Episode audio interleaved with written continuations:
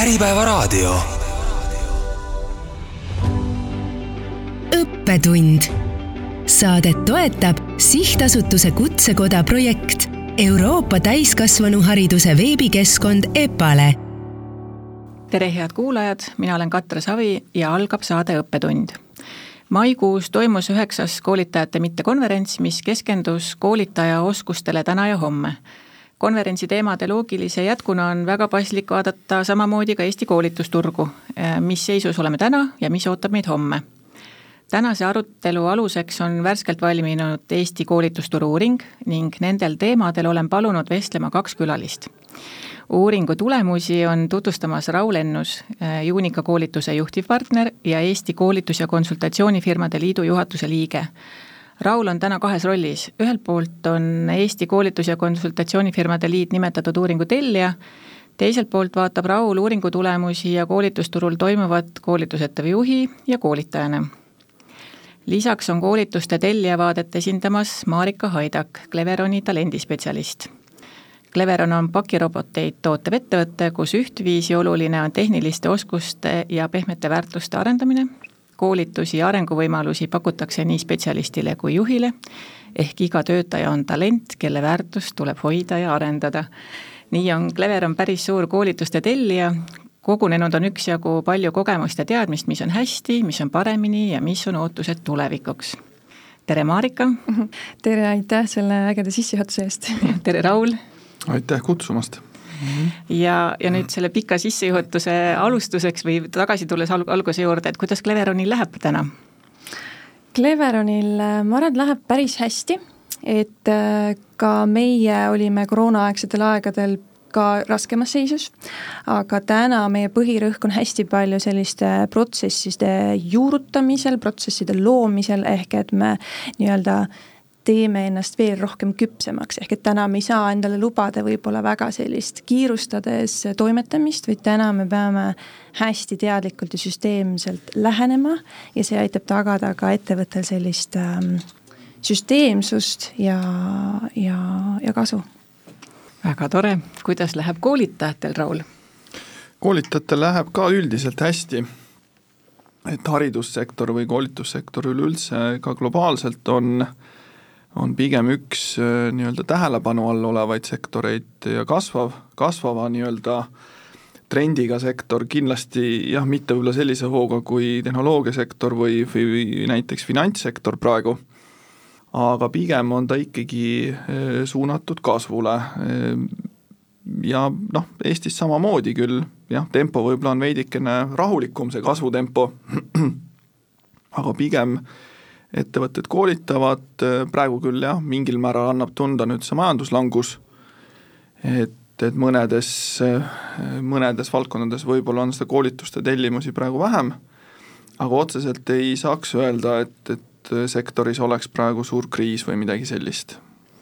No lähme päris sinna alguses lubatud äh, koolitusuuringu juurde, et äh, mis uuringuga tegemist on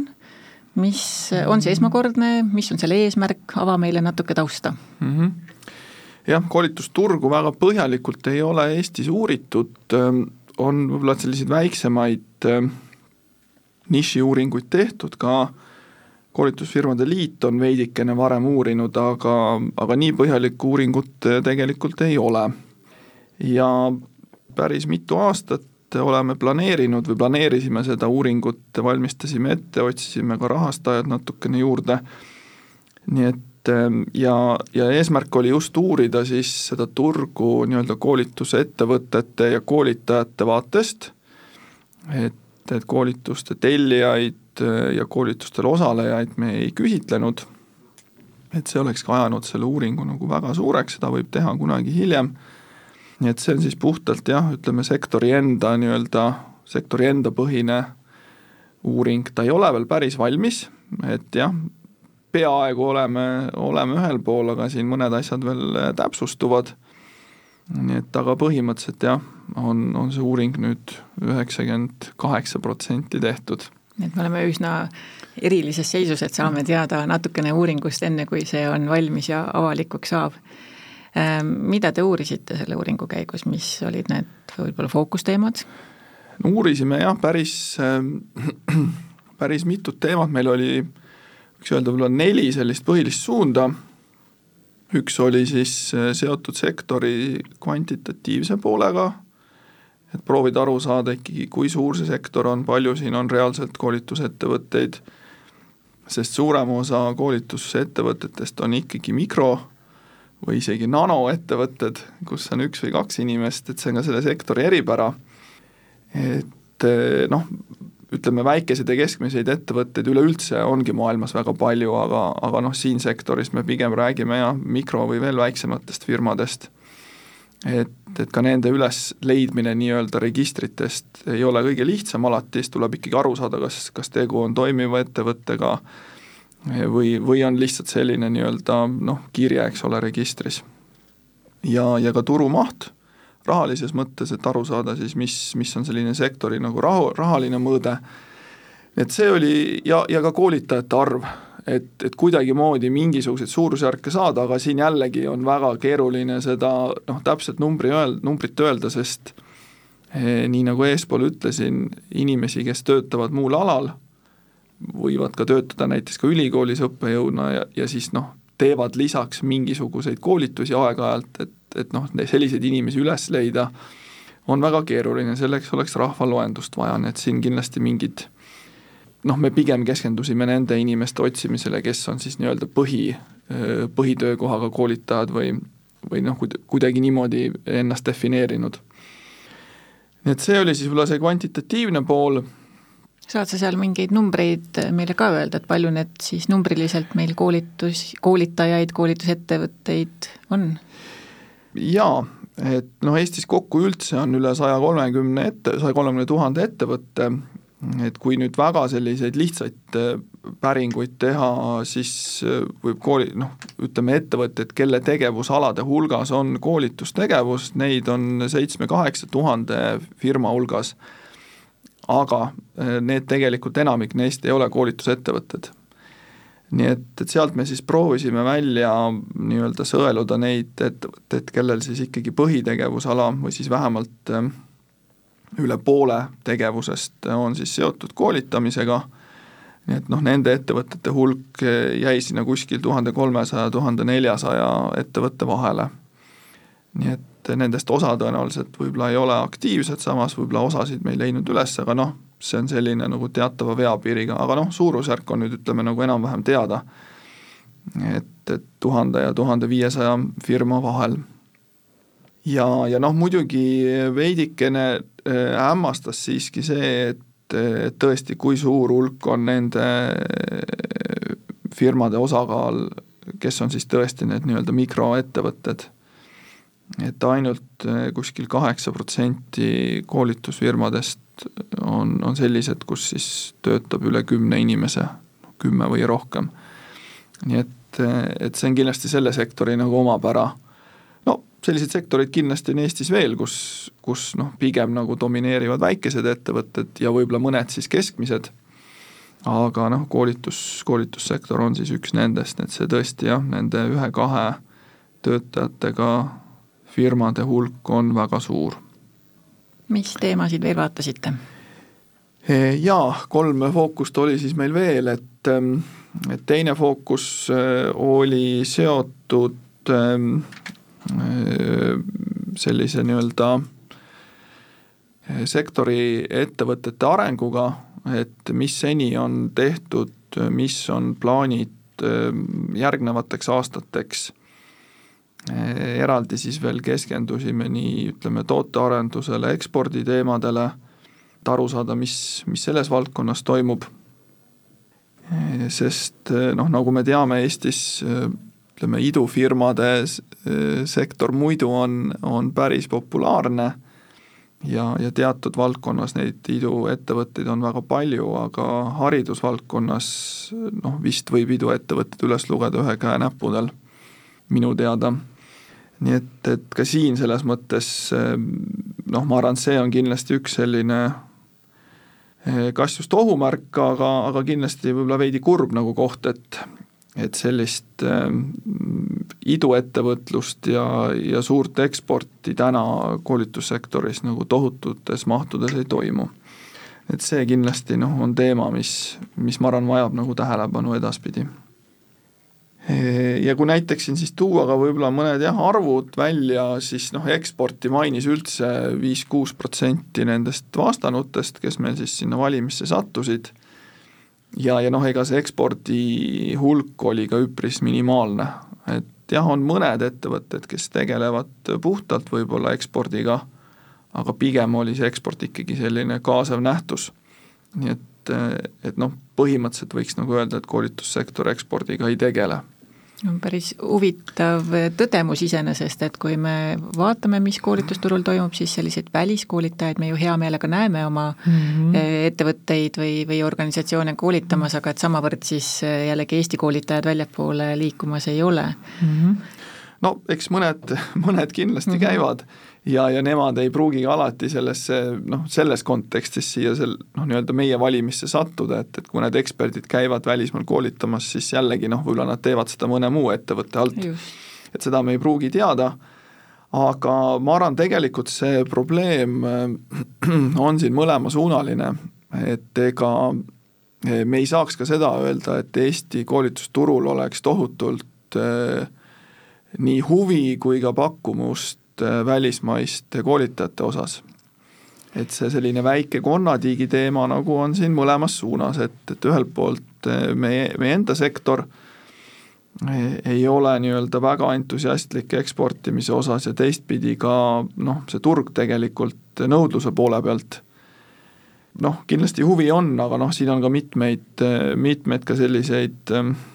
noh, praktilisi takistusi miks, miks nende välismaiste koolitajate toomine teinekord ei ole kõige lihtsam. nii et, et see on jah, selline, ma arvan, üks selline kitsaskoht, mis just jah, meelt kõige rõõmsamaks ei tee. mis siis veel, nojah, võib-olla siin oleks isegi paslik huvi, huvi pärast küsida, et kuidas Cleveronis, kuidas teie selle teemaga tegelete, et palju teil näiteks käib selliseid välismaiseid ettevõtteid või, või koolitajaid, et kuidas teil see osakaal näiteks nagu on mm? -hmm. meil ongi noh, kui me räägime üldse, kui me räägime koolituste tellimisest, siis mina jaotaks nad kahte suunda, üks on väga spetsiifiline erialane koolitus ja teine nii-öelda pehmed teemad, kus me räägime kultuurist ja juhtimisest ja kõigest sellest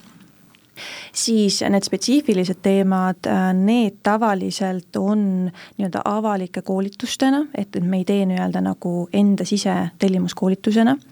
Äh, siis sealt me küll, just kui me räägime tarkvara suunast, inseneeria valdkonnast, siis see läheb küll just välismaa koolituste suunal, sest et seal on ka väga palju sellist spetsiifilist teadmist, kuna meie valdkond on ka pigem spetsiifiline, siis me Eesti turult näiteks enda vajadustele vastavaid koolitusi nii palju ei leiagi, mistõttu me peamegi väljapoole vaatama. ja õnneks siin tulebki appi meie võimekus digitaalselt osaleda üle maailma erinevatel koolitustel, kursustel ja, ja need, need on meil küll esindatud siia tuleb kohe otsa järgmine küsimus, et äh, kuidas teil osakaalud jagunevad äh, auditoorse koolituse e, e-koolituste käigus, oskad sa seda ka kohe juurde pakkuda? Äh, mina ise isiklikult olen hästi kontaktkoolituse poolt seal on ka omad äh, nii-öelda eripärad, miks ma, miks ma olen, aga e-õpe ja e-koolitus on väga-väga tänuväärne asi just olukordades, kus sul ongi äh, vaja saada seda teadmist teiselt poolt maakera, on ju. ja, ja kui sul on oluline paindlikkus kellaaja suhtes, ehk et sa saad seda vaadata omal ajal näiteks järgi ja teha seda kursust, on ju aga kui ma räägin ikkagi eelkõige selliste pehmemate poole pealt, siis seal ma näen, et nii oluline on see kontaktkoolitus sest see ei ole ainult, kus sa kuulad võib-olla eksperti, kes jagab oma teadmist ja teooriat, vaid seal on just see ähm, personaliseeritus ja see isiklik kontakt, see emotsioon, see tunne sealjuures, mida võib-olla läbi veebi saada ei ole nii lihtne, vaid see tulebki sinuni läbi läbi tegemise paaris arutelude, rühmatööde, ehk et mina olen hästi kontaktkoolituste fänn ja, ja ma näen äh, tugevat väärtust sellel, kui sa oled ikkagi kontaktis koos või siis sedasama asja omandad läbi veebi, sest on ka ju hübriidkoolitus, on ju, mis on kõige raskem koolitusvorm koolitajale, tegelikult ka koolituse tellijana ja ka osalejana. et saada sada protsenti sellest koolitusest jah, nii ta on, siin noh, muidugi need arvamused tõenäoliselt on ähm, skaala mõlemates otstes, et et kindlasti ka seal nii-öelda online keskkonnas on võimalik seda personaalset lähenemist suurendada, et seal on väga palju ka sõltub koolitaja oskustest ja kogu sellest nii-öelda ettevalmistusest ja, ja võib-olla ka koolitajate arvust näiteks, mis muidugi kehtib ka teatud klassiruumi koolituste puhul, et, et teatud koolitusi tehaksegi mitme koolitajaga, kui on vaja sellist nagu jooksvat tagasisidet anda. ja, ja noh, grupis noh, üldjuhul on rohkem kui kolm-neli inimest, et et aga jah, et seda muidugi näitas ka uuring, mis oli nagu veidikene üllatav, et kui siin eh, pandeemia ajal eh, online, online õpe eh, koos siis noh, hübriidõpe läheb siia kohati siia alla, eks ole, ja mingil määral ka siis nii-öelda e-õpe, ehk siis noh, asünkroon, asünkroonsed koolitused, ehk siis salvestatud koolitused, et, et kui nende hulk ikkagi kasvas, siis, siis tänaseks on see peaaegu et nagu pööranud tagasi eh, koroonaeelsesse aega, küll on jah, tekkinud eh, väi-, noh, mitte päris väike, aga, aga siiski eh, noh, alla, alla poole.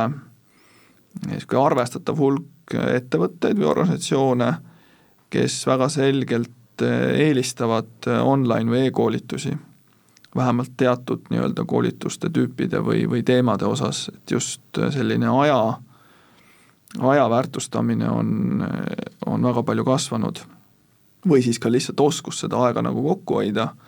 noh, me näeme seda tegelikult ju ka laiemalt, et kui palju inimesi täna töötab endiselt kodus, on noh, inimesed tegelikult on nagu suutnud sellest mingisugusest mõtte Äh, vangist välja tulla, et ei pea päevas kolm tundi kulutama edasi-tagasi liik-, liiklemise peale. et, et ka see, ka koolituskontekstis on sellest aru saadud, et et teatud asju nagu on väga palju efektiivsem teha kas siis online või, või salvestatud koolituste kontekstis. nii et aga kui me näiteks vaatame statistikat, siis äh, tulles jah, korra tagasi alguse juurde, siis siis ikkagi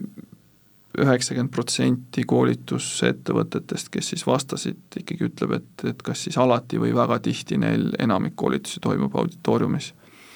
et noh, see number selles mõttes on ikkagi nagu märkimisväärne see on jälle ka huvitav trend vaadata, et kui me mm. Covidi ajal läksime mm. kõik veebi, et siis tegelikult on väga kiiresti tuldud tagasi auditoorsete koolituste juurde. aga ma siin korra küsiks ka seda, et kas, kas koolituste arv või kas koolitus, sa ütlesid ennem, et, et see on küll ka valdkond, mis on tõusutrendis, et kuidas Cleveron on, et kas teil on, on teil koolitusi kasvamas, mahu mõttes kasvamas või mitte? Meil tegelikult ei ole suuri erisusi eelnevate aastate vahel, me hästi palju lähtume sellest, mis on meie ettevõtte peamine suund ja eesmärk ja mis on meie peamised vajadused, et meil on hästi palju kaasatud sinna juhid, juhid ise annavad oma tiimide kohta sisendi, mis on just see teadmine, oskus äh, mida on vaja siis omandada. Ja ei ole nii-öelda arvu ette antud, kui palju koolitusi peab nüüd sel aastal olema, et hästi vajaduspõhine. Ja noh, meil ongi oma fookusteemad millega me tegeleme, kui me räägime ka koolitustest ja sellest, kas ta on veebis või kontaktis, siis tihtipeale, olles personaliosakonnas, äh, siis see on nii palju laiem kui ainult selle teadmisoskuse edasiandmine, vaid seal on ka selline ühtsustunne ja see meeskonna vibe, ehk et see, et vahet ei ole, mis osakondadest inimesed kokku tulevad, me oleme seal ühtselt koos, arutleme samadel teemadel, ehk et seda meeskonnatunnetust ka kanda läbi selle kontakti mm. -hmm jah, et võib-olla kommenteeriks selle mm, kasvava nii-öelda sektori mm, kommentaari, et pigem jah, see trend on siin, kui nüüd nii-öelda natukene nagu numbrite sisse vaadata või lihtsalt ka mm, noh, suheldes nii-öelda klientidega, et siis et pigem on jah niimoodi, et need ettevõtted, kes on juba aastaid koolitanud ja kes on selles noh, ütleme personali arengus, oma ettevõtte arengus nagu olnud juba nagu pikemalt eesrinnas siis noh, nende puhul võib isegi öelda, et vahel võib see koolituste maht ka vahel nagu väheneda, et pigem just nagu otsitaksegi väga nagu selgeid eh, nagu fookuseid, et noh, kus on see kasu, eks ole, et, et võib-olla nagu selliseid noh, pimesi ostmisi, tellimisi on nagu vähem, aga kus see kasv nagu pigem tuleb, on see, et et nende ettevõtete hulk, kes on hakanud rohkem tähelepanu pöörama siis oma inimeste arengule ja ka organisatsiooni arengule, et, et siis nende hulk lihtsalt nagu kasvab. et, et see kasv pigem tuleb nagu sealt. Clever on, on võib-olla just üks selles mõttes ka väga hea näide, et kus mm -hmm. sa oled ka varasemates vestlustes öelnud, et see, seesama äh, pehmemate väärtuste arendamine on ülioluline, et kuigi te olete pakiroboteid tootev ettevõte, kus võiks eeldada, et nagu need tehnilised oskused on A ja O, aga, aga seal kõrval on ikkagi äh, pehmed väärtused, et kas on ka muutunud see, et mis laadi koolitusi või kas üldse koolitus, on see koolitus, on see coach, on see mentorlus, kas teil on ka see pilt läinud mitmekesisemaks? Äh, meil on olnud kõik see mentorluse teema sees, see coach iv viis sees ja kui me räägime ka nagu oskuste omandamisest või arendamistegevusest, siis tegelikult ma ütlekski, et number üks arendustegevus tööl ongi sinu enda töö. Ja Cleveranis ma mhm. tajun seda hästi tugevalt, et kuna me oleme innovatsiooniettevõte, tehnoloogiaettevõte, siis seal sa läbi töö õpidki kõige rohkem. proovid, katsetad, eksid, õpid ja kogu aeg paned seda praktikasse. noh, teine oli ka seesama, et sa saad kogemusi omandada, teadmisi omandada läbi roteerumise ettevõttes, ehk et meil on hästi palju ka levinud see, et ma kandideerin teise osakonda üldse äh,. enamus juhte meil on spetsialistist välja kasvanud, ehk et see töökohal õppimine, ma ise tajun, on kõige olulisem aga kui me räägime nüüd puhtalt koolitustest, siis ma näengi, et eelkõige tehnoloogiasektoris sul on vajaka pehmetest teemadest, sest et äh, meie inimesed on, ongi hästi töökad, nad on hästi orienteeritud tulemuslikkusele ja, ja nad tahavad nagu asju hästi kiiresti ära teha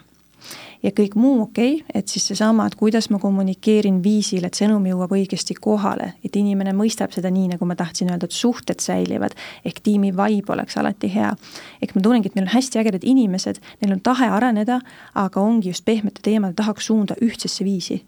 sest et kommunikatsioon on asi, mida mina tunnen, et kunagi ei ole nagu sada protsenti, et see on valmis nagu, et kommunikatsioon on nii hea mm. -hmm kui sul on juba rohkem kui üks inimene, siis seal võib tekkida kommunikatsiooni error ja selle kommunikatsiooniga seoses on nii palju viise, kuidas siis seda nagu koolituse raames arendada, et see on põimunud tegelikult läbi nende pehmete teemade. ehk et praegu meil ongi väga aktuaalne juhtide arenguprogramm, mis ongi terve aasta kestev. Ja koolitusi on sellest ainult kolm päeva. Kõik muu on nii-öelda muud kaasavad tegevused, mis aitavad seda ühtsustunnet, seda kommunikatsiooniviisi ja meil on hästi tugevalt läbi põimunud siis see coach iv viis kui see turg on nii mitmekesine, siis äh, kuidas äh, leida enda jaoks see kvaliteetne koolitus ja kvaliteetne koolitaja et kuidas, ähm, siin ma vaatan jälle mõlemale külalisele otsa, et kuidas tellija vaatab ja kuidas koolitajad seda poolt vaatavad mm? -hmm. ma võin jah, tellija poolelt rääkida, et noh, mina näen hästi tugevalt, et äh, kõik algabki tellijast kui kvaliteetselt ta suudab selle sisendi kokku panna. ehk et kas ta teab, mis on see päris eesmärk ja mis on siis see väljund, mida sa tahad saada, mis on muutunud pärast seda sekkumist, pärast seda koolitust. ja kui see on selline ümmargune, siis noh, tegelikult sa saadki sellise ümmarguse tulemuse. ehk et lihtne on öelda, et näed, et see koolitus ei olnud hea või, või see oli väga hea või nagu et sul peab endal see hästi tugevad lähteandmed paigas olema ja tihtipeale tellijana, kui ma saangi koolitusvajadused töötajate seast, siis ta ongi ümmargune ja siis ongi vaja lihvida seda, et mis päriselt on see muutus, mida sa tahad näha ja vahest koorub sealt hoopis midagi muud välja. ehk et mina näen, et meil on väga äge valik headest koolitajatest. Äh, väljakutse ongi see, et leida nad alati ülesse ja anda siis võimalikult täpselt see sisend, mida me vajame, mis muutust me tahame ja tegelikult on hästi oluline koolitajad ka kurssi viia, et kes on see kuulajaskond. kes on, kes on need inimesed, kelle juurde sa tuled äh, rääkima ja kellega sa tuled koostööd tegema. ehk et mis on need inimese ootused, mis viis neile meeldib, mis stiil neile meeldib, mida nad väärtustavad, mis on nende väljakutsed. ehk et see profiil selle edasiandmine, ma näen, annab väärtust ja kui me olemegi sõnastanud väga konkreetselt vajadused ja tegelikult koolitajate leidmine on minul olnud lihtne. Äh, ühelt poolt on see, et võrgustumine on tänuväärne asi ja kui sa vähegi oskad seda koolitajana ära kasutada, siis tegelikult sind leitakse ülesse. ja mind on aidanud ka väga palju siis äh, vahendusfirmad, nii-öelda ka koolitusettevõtted, kes koondavadki erinevaid koolitajaid kokku ja, ja sealt olen väga häid pärleid leidnud et mina, mina nagu julgelt tunnistan, et äh, ägedad koolitajad on, tasubki lihtsalt üles leida ja iseenda sisend võimalikult täpseks saada ja siis on tulemus ka seda väärt. Siin oli huvitav märksõna võib-olla, mille koha pealt küsiks Raulilt kohe kommentaari, et see koolitajate võrgustumine ja koolituste vahendamine, et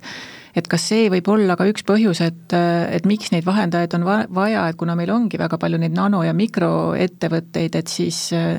tõesti nende väljapaistmine turul on keeruline ja, ja siis tuleb abiks selline koolitusvahendusettevõte mm. -hmm. kas te uuringus vaatasite mingeid selliseid aspekte või su enda mm -hmm. kogemus? selliseid aspekte me päris ei vaadanud et see jah, meie nii-öelda äh, ulatuses ei olnud, aga jah, enda kogemusest võin öelda, et see loomulikult on niimoodi. Ja noh, tegelikult ega see, kui me vaatame ka teisi sektoreid, siis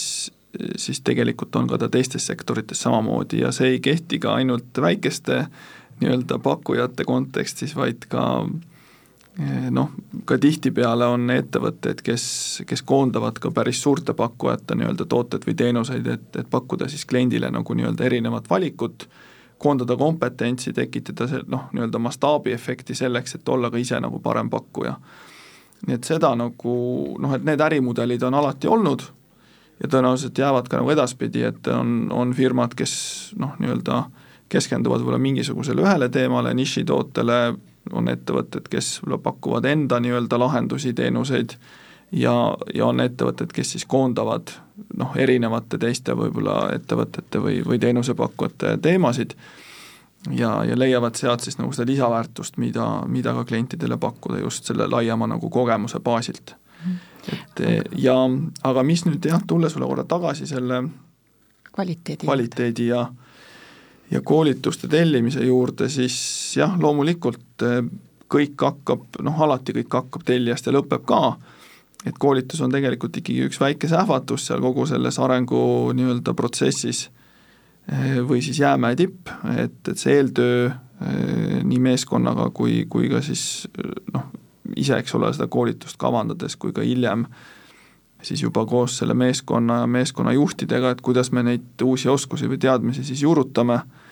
Et noh, need, need tegevused tegelikult on, on mahukamad ja tihti ka palju keerukamad, sest noh, noh piltlikult öeldes klassiruumis istuda ja kaks pluss kaks ära õppida on lihtne, eks ole, aga et, et pärast siis nii-öelda seda kuskil rakendada mõistlikult ja, ja muudatusi nii-öelda organisatsioonis läbi viia, siis, siis see on nagu palju keerulisem, sest seal juba palju rohkem ka hakkavad vastu töötama mitmed muud tegurid nagu inimeste mugavustsoon või, või lihtsalt näiteks keerukus, et ma, kuidas ma nüüd seda asja siin teen uutmoodi, hirm, noh, mis iganes, eks ole, et seal tuleb väga palju selliseid äh, muid tegureid. Ja mida jällegi siis tegelikult äh, nüüd toetab ka see eespool äh, räägitud jutt, et, et kui me oleme koolitusel koos, võib-olla erinevad osakonnad, erinevad meeskonnad, siis see tugevdab seda meeskonnatunnet ja aitab tegelikult ka neid muudatusi ellu viia, sest siis me tunneme nagu, eks ole, et, et meil on nagu mingi tugi, et kui ma eksin, siis tegelikult see meeskond aitab mind, et me saame nende asjadega hakkama, et meil on nagu ühine eesmärk, kuidas seda nagu teha. sest jah, ikkagi noh, ma ei tea, kõhutunde pealt suur osa projekte maailmas eh, ebaõnnestub ikkagi sellepärast, et kogu see juurutamise pool ikkagi kukub läbi. Eh, nii tehnoloogiaprojektid kui õpp, õppeprojektid või noh, mis iganes nii et, et see on jah, ma arvan, on nagu ülioluline, mis võib-olla uuringust välja tuli, olid ka natukene kahetised sellised eh, järelmid, üks, ma arvan, on seotud pigem rohkem sellise pandeemia ajaga ja, ja nüüd ka selle majandus, eks ole, väikse langusega, mis meil on, et, et siis koolituste tellijate selline võib-olla närvilisus on natukene suurem, et võib-olla nagu kombatakse erinevaid asju, muudetakse plaane kiiremini, sest noh, ka ettevõtete võib-olla olukorrad noh, muutuvad praegu, e-, ettevõtluskeskkond ei ole nagu nii stabiilne, et veidi sellist nagu jah, vibelemist on edasi-tagasi, eh, aga teistpidi saab öelda, mm, et eh, noh, nii nagu see sektor meil kogu aeg kasvab ja areneb, siis ka tellijate oskus äh, ikkagi neid koolituse eesmärke, vajadusi sõnastada, analüüsida, edasi anda, arutada koos koolitajaga, et noh, see oskus ikkagi järjest nagu kasvab, et seda toodi ikkagi nagu päris palju välja, et see oskus äh, kavandada, tellida ja, ja ka läbi viia, et, et see, et noh, see kindlasti on nagu väga hea märk, et see näitab, et et vaatamata võib-olla keerukatele aegadele, siiski noh, proovitakse see, neid protsesse, seda protsesside küpsust nagu parandada. ja üks asi oli meil siin veel, mm, võib-olla jah, mis selle kvaliteediga ka päris palju seostub ja mida siin eespool sina küsisid ka, et et kuidas need osakaalud siin äh, jagunevad et selles osas ka, noh, see muidugi nüüd ei ole nüüd viimase ühe aasta trend, see on juba siin võib-olla kolme-nelja aasta trend, aga noh, uuringus me vaatasimegi kuskil sellist kolme viimast aastat, et mis muutused on toimunud ja mida nagu nähakse eespool, et, et õnneks jah, see teadmine ikkagi ka nüüd jõuab küll esialgu rohkem suurematesse ettevõtetesse, aga noh, näeme tegelikult ka noh, ka nii-öelda väiksemate klientide hulgas, et et just see koolituse kombineerimine erinevate teiste eh, metoodikatega, noh, kas siis mentorlus, eh, mingisugused eh, töötoad, et noh, sellist, sellist tegevust on nagu päris palju. et on väga huvitavaid tellimusi, kus siis noh, koolitusosaks on näiteks mingisuguste mentorite väljakoolitamine, mentor, mentorpaaride töö, et noh, noh sellisel asjal on nagu palju suurem nagu mõju organisatsioonile, et, et koolitus ikkagi noh, see efekt on, ainult koolituse efekt on ikkagi üpris nagu väike ja, ja tegelikult ma lisaks ka, et mm -hmm. nii kui ma ka otsin koolitajaid ja teen need ettepanekud, siis tegelikult koolitajad lähevad ka silmad särama. et ongi mm -hmm. see, et oh, väga hea, ei ole nii-öelda äh, koolituseelarve nii-öelda nüüd ärapaigutamine on, on mm -hmm. nagu päriselt väärtuse loomine. ja see ongi nii äge näha, kuidas koos sünnivad nii ägedad lahendused ja ideed, et ongi see koolitus ongi üks väike osa, aga see kogu see protsess on ju, et ma ka hästi hindan koolitajate puhul, kes eelnevalt on ka hästi aktiivsed ja valmis minuga kohtuma, valmis arutama, valmis isegi osalejatega enne kohtuma. ehk et me oleme kindlad, et me üksteist mõistame, me saame aru, mida me te läheme tegema ja mida me tahame saada. ja läbi selle, et ma kaasan ka juba osalejaid seal varasemas protsessis, siis nende motivatsioon on ka ju kõrgem. ehk nad on juba kaasatud, nad annavad oma sisendi, et siis päriselt see ka ellu viia, mitte koolituspäevalt minna laua taha ja elada oma elu edasi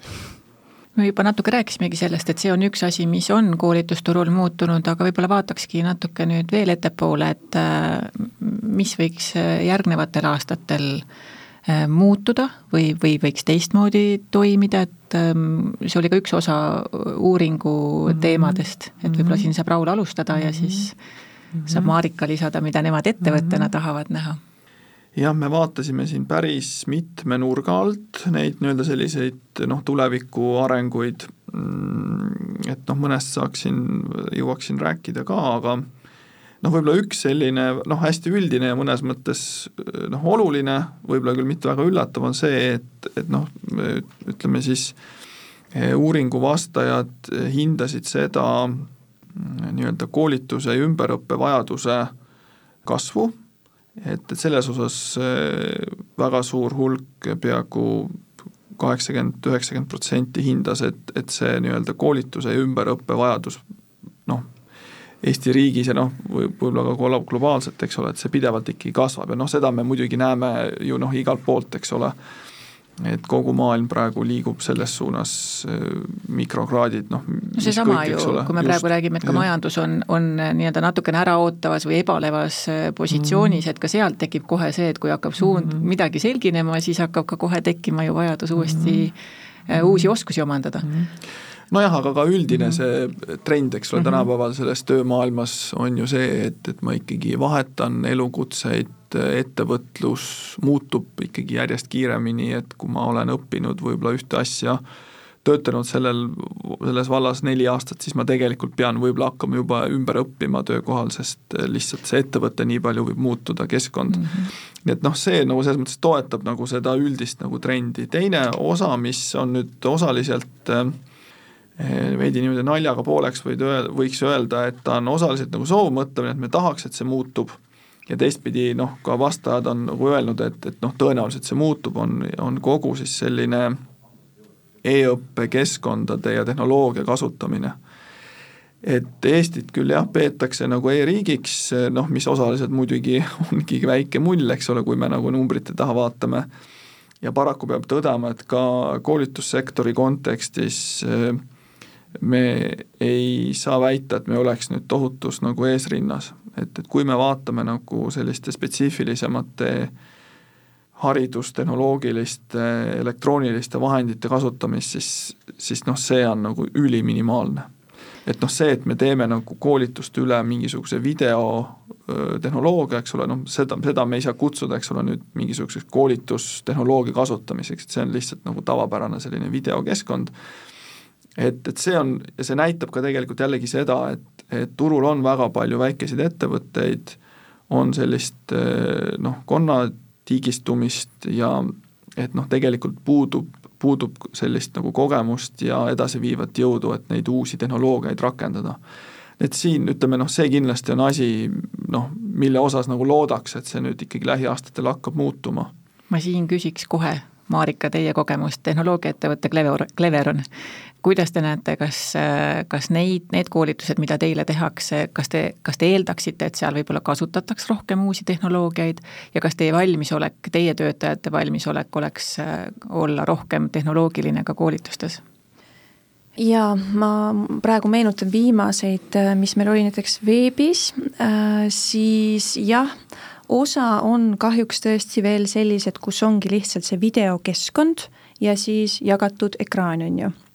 et tegelikult äh, seda on raske jälgida, eriti kui see koolitus on pikk päev. ehk et seal küll teatavat sellist interaktiivsust ja teatavat sellist kaasatust äh, kohati võiks olla rohkem, aga ma olen ise ka kogenud koolitusi, kus on seda interaktiivsust hästi palju ja erinevaid tehnoloogiaid kasutatud et jah, loomulikult see suundumus läheb sinnapoole, et äh, tõenäoliselt see vajadus kasvab, et oleks veel haaravam ja kaasavam, sest et on ikkagi teatud inimtüübid, kes väga hindavad ka kaugtööd, kodus töötamist. ja, ja nad hindavad seda, kui nad saavad koolitust saada ka veebis võimalikult mugavalt ja kaasahaaravalt. ehk et see on kahtlemata üks, üks trend, mida ma näen ka, et, äh, et see vajadus on mm. -hmm nojah, siin kindlasti jah, peab meelde tuletama, et noh, iga, ükski tehnoloogiline vahend ei ole eesmärk omaette, aga lihtsalt, kui me vaatame sektorit tervikuna, siis, siis noh, selles kontekstis oli, oli jah, nagu võib-olla veidikene üllatav, et, et väga vähe kasutatakse selliseid võib-olla natukene keerukamaid või edasijõudnumate tehnoloogilisi vahendeid, et sellist, seda nagu jah, ei oleks nagu uskunud, aga noh, see selleks. et et, ehm, et alati see ei tähenda, et, et koolituse tulemus oleks kuidagi nagu kehvem. noh, eriti kui me ka mõtleme sellele, et suurem osa koolitusi toimub klassiruumis. veel, kui nüüd mõelda nende arengutrendide peale, siis siin on ka üks selline jah, võib-olla väljakutsega nagu trend, mis on ka noh, tegelikult läbib, nagu ma arvan, enamikke sektoreid maailmas, on niisugune globaalne suundumine, on siis igasugune äh, kõigi teemade lühenemine, kiirenemine, et ka seda tegelikult on täheldatud äh, Eestis siin koolitussektoris, et äh, et tellijate surve on koolituste aja lühendamise suunas, et, et proovitakse saada nii-öelda sama, sama tulemust väiksema ajaga. aga seal on, kas seal on see teema, et ongi koolitus lühemaks või on lühemad ampsud pikema aja vältel? no siin jah, noh, tõenäoliselt kõi-, nii detailselt mm -hmm.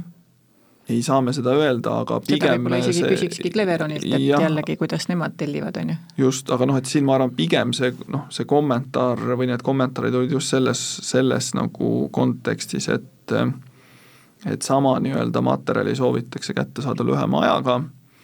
ja noh, eesmärk ei ole mitte raha kokku hoida, vaid eesmärk pigem on aega kokku mm. hoida, et see aja väärtustamine on muutunud nagu ülioluliseks, no mis on tegelikult noh, nagu ma ütlesin ka, et on nagu üpris globaalne trend, et kui me siin vaatame hiljutisi artikleid eh, põhikooli ja gümnaasiumi riigieksamite teemal, siis noh, seal ju tegelikult jooksis seesama, sama nii-öelda juurpõhjus välja, et äh, et õppemaht ja, ja õppe sisu on tegelikult nagu vähenenud, noh, seal on muidugi ka päris suured probleemid, eks ole, koolitajate või õpetajate kvaliteediga ja puudusega, et noh, see on seesama trend, eks ole, et, et, et, et tulemused võivad minna kehvemaks, kui me nagu seda sisendi osa, nii-öelda õppimise osa nagu vähendame. et Marika, see on jah, selline väljakutse nagu sektorile. aga Marika, kuidas on ettevõttes, et kas ka teil on seda trendi, et pigem natuke vajaksid koolitusaja vähendamist? jaa, mina isiklikult väärtustan ka hästi aega ja ma näen, et meie inimesed ka, mistõttu see ajafaktor on ka üks teema alati, mida koolitajaga läbi rääkida, et kuidas me seda saaks teha võimalikult efektiivselt, niimoodi, et see aeg oleks noh, maksimaalselt ära kasutatud. mida see tähendab, äh, ühel juhul on see, et see programm siis, kui ma teengi sisekoolitusi, siis enamasti ta tuleb programmina. see tähendabki seda, et ta venib siis pikema aja peale. ja, ja tavaliselt ongi see koolitus võib-olla väike osa seal ainult ja ülejäänud on juba erinevad sekkumismeetmed ja tööriistad ja mõõtevahendid, on ju. et aga ma näen küll, et selline nagu täispikk koolituspäev ei ole kindlasti minu kui tellija esimene eelistus mm. -hmm. no see nüüd on jah, siin ongi, nagu sa ise välja tõid, on mitu nagu poolt, eks ole, et kas me proovime seda koolitustsüklit jagada nagu väiksemateks tükkideks, noh, mis lihtsalt nagu lihtsustab natukene seda ühelt poolt õppimise protsessi ja noh, tegelikult ta lihtsustab ka selle koolituse paigutamist sinna kogu selle muu tööelu sisse, eks ole, et, et sa ei, sul ei jää töö tegemata kolm päeva järjest, vaid sa võib-olla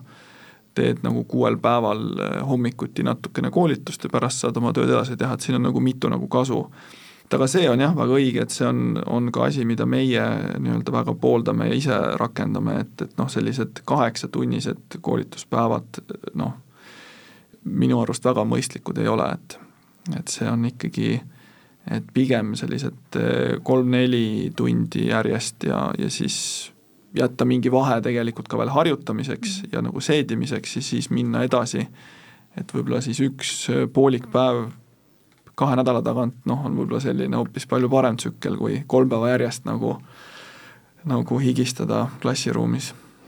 saime nüüd küll väga põgusalt niimoodi heita pilku sellele uuringule ja, ja võib-olla sellele olukorrale, mis meil on, ma küsiks teilt meil mõlemalt, et äh, milline on see ootus äh, võib-olla tulevikukoolitustele, et kui sealsamal mittekonverentsil oli üks äh, arutelu, sessioon ka, kus me rääkisime sellest, et kuhu koolitajad võiksid tulevikus areneda ja nii et ettevõtte esindaja kui ka koolitajate esindaja mõlemad äh,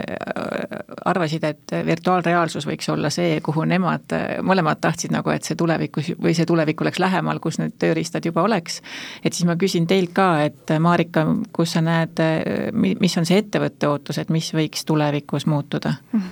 Ma ikkagi lähen sinna pehmete teemade juurde, kuna mina olen selle väga suur austaja, sest ma näen, kui väga see aitab organisatsiooni kultuuri luua ja läbi selle eesmärke ära tuua, siis mina ei näe virtuaalreaalsust nii võib-olla äh, olulisena, vaid pigem just see, et koolitaja kompetents just nagu inimkäitumise, inimpsühholoogia osas, kuidas toimub päriselt siis äh, äh info töötlemine, mõistmine, analüüsimine, mis üldse tal taustal toimub, ehk et äh,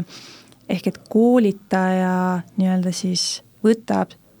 laiemalt, mitte ainult kui koolitatavat, kui inimest, kellel ongi omad väljakutsed, omad probleemid, omad hirmud, et kuidas siis talle anda see teadmine edasi viisil, mis päriselt nagu teda siis parasjagu kõnetab. ehk et see andragoogika valdkond ja kõik see, et aga päriselt, et et sa oled inimene seal ja kuidas sa annad seda infot edasi viisil, et ta päriselt saab selle vastu võtta personaalkoolitus nii-öelda, ja mida Raul mhm. koolitajad ootaksid tulevikult või sina koolitajana? nojah, ega noh, ega neid eh, ootusi ongi palju ja ma arvan, eh, ma arvan, need ootused, mis juba nagu välja öeldud on, on ka väga nagu olulised. aga jah, ma arvan, et tehnoloogia annab kindlasti eeliseid, eriti kui me siis jah, võib-olla, võib-olla rohkem mõtleme mingisuguste tehniliste nii-öelda oskuste peale aga miks mitte ka, ka samas nende teatud äh, pehmete teemade osas, noh, me võib-olla isegi ei kujuta ette, mis, mis võimalused nagu on, aga jah, see, noh, sellega ma olen nagu nõus, et, et ma arvan, selline silmast silma klassiruumi koolitus ei kao lähiaastakümnetel veel kuhugi, sest äh, et mida rohkem see nii-öelda tehnoloogia meile mujalt peale surub, siis tegelikult tekib ka inimestel selline vastureaktsioon, et tahaks siis vahel nagu äh, päriselt ka mingeid asju kogeda. aga jah, teine pool nüüd lisaks sellele võib-olla, mis tegelikult natuke nagu haakub selle eh, personaalse lähenemisega, ongi selle asja võib-olla siis see teine pool, et, et justkui nüüd mõelda Eesti